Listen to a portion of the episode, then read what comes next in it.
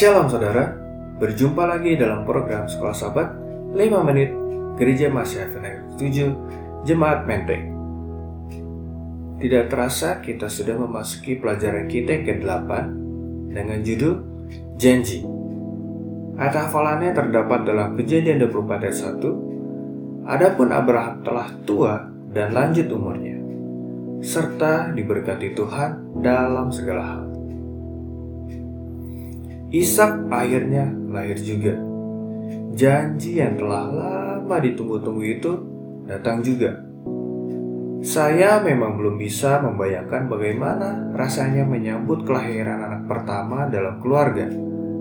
Tetapi melihat beberapa sahabat-sahabat saya yang sudah dikaruniai anak pertama, sungguh sukacita tidak terkatakan tampak dari wajah mereka. Namun kisah Abraham tidak sampai di situ. Justru kemudian tantangan besar siap menghadangnya. Kita tahu bersama anak yang lahir itu pada akhirnya harus dikorbankan.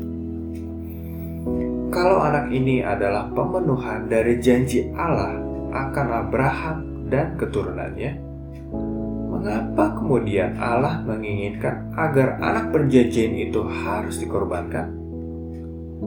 Kita juga perlu tahu bahwa praktik mengorbankan anak adalah hal yang biasa bagi orang-orang yang tidak mengenal Allah.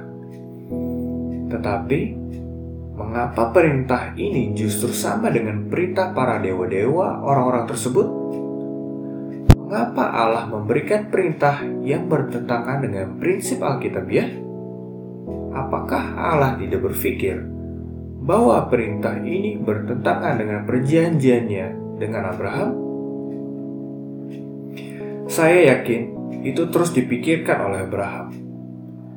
Dan itu juga yang sering kita pikirkan ketika tantangan dan persoalan hidup diizinkan Tuhan menimpa kita. Ada banyak pertanyaan yang menyita perhatian kita. Dan sedikit banyaknya itu mempengaruhi iman kita. Tetapi melalui cerita ini, kita akhirnya tahu bahwa ujian yang dalam bahasa Ibrani itu disebut nisah adalah sebuah tindakan untuk mengetahui apa yang ada di hati orang yang sedang diuji dan menegaskan jaminan kasih karunia Allah atas hidup orang yang sedang mendapatkan ujian. Abraham tahu bahwa ini adalah bagian dari ujian iman.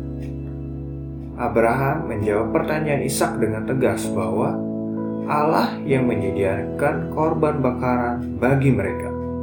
Kata menyediakan dalam bahasa Ibrani Yir Ehlo artinya adalah Allah menyediakan dirinya.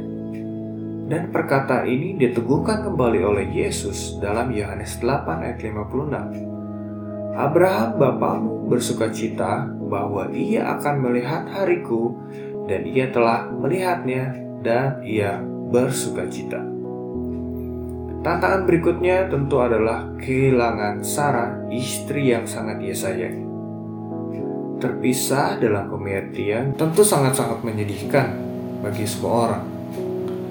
Banyak yang berpikir bahwa kematian Sarah ada hubungannya dengan peristiwa pengorbanan di atas gunung tersebut. Artinya, Sarah juga bergumul dengan ujian tersebut.